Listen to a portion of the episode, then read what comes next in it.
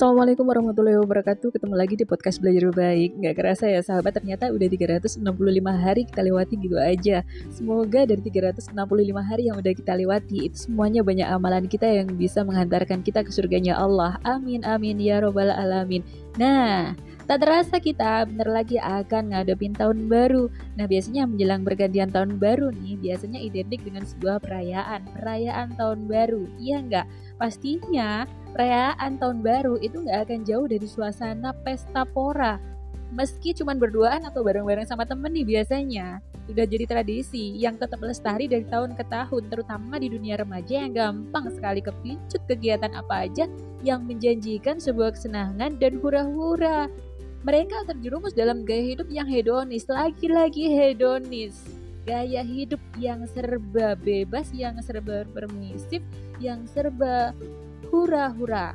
Nah, kalau kita tengok lagi ya, bagaimana uh, bahayanya atau sisi negatifnya. Kalau kita itu terjebak dalam gaya hedonis atau serba hura-hura dan ngikutin pesta pora. Salah satunya yaitu pesta perayaan tahun baru. Yang pertama nih sahabat yang pertama adalah bisa bikin lemah mental kita. Kenapa? Karena budaya pesta pora itu bisa bikin mental kita itu sangat lemah saat ngadepin musibah atau kesempitan dalam hidup kita. Karena yang ada dalam kotak kita itu hanya kesenangan mulu. Sehingga jadi kita alergi dengan yang namanya kesedihan. Ngalalin segala cara buat ngadain pesta atau bahkan sampai nggak berani ngadepin masalah. Padahal yang namanya masalah itu kan bukan untuk dihindari ya, tapi untuk diatasi ya, iya kan? Iya nggak?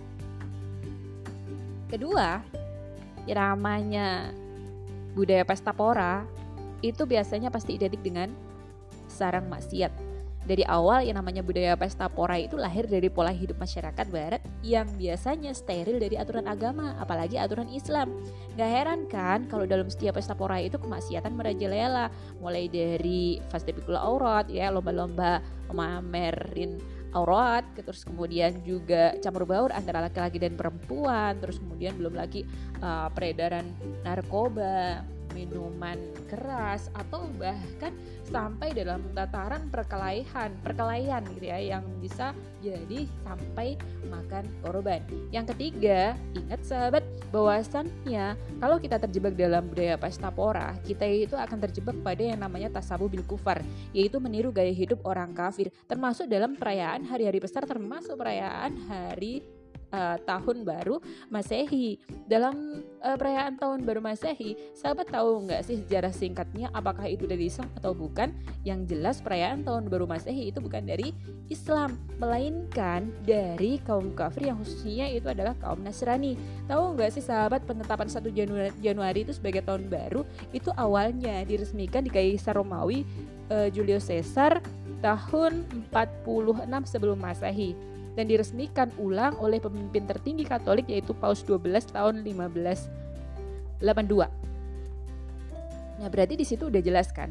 Berarti uh, pesta tahun baru, perayaan tahun baru itu bukan dari Islam.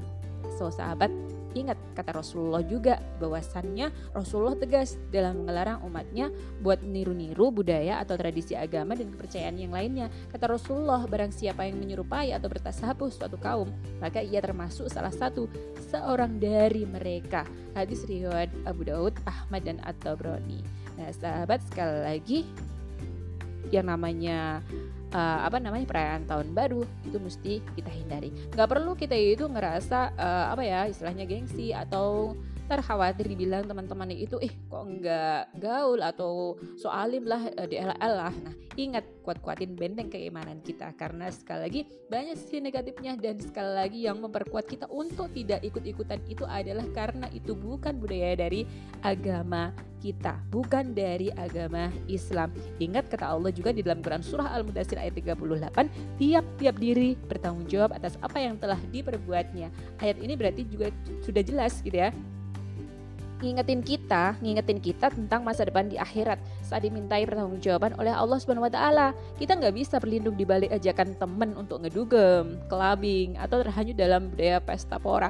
Kita nggak bisa ngeles semua resiko perbuatan selama di dunia. Kita itu yang nanggung sendiri. So sahabat, kalau kita cerdas pastinya nggak akan sia-sia masa nggak akan nyanyain ya, nggak akan nyanyain masa muda kita dengan menghanyutkan diri dalam gaya hidup yang serba hedonis. Nah, sahabat sekarang pastinya saatnya kita mengisi masa muda kita itu dengan kegiatan yang bermanfaat, yang tak syariat, dan bisa mencerahkan masa depan kita di dunia dan di akhirat. Assalamualaikum warahmatullahi wabarakatuh.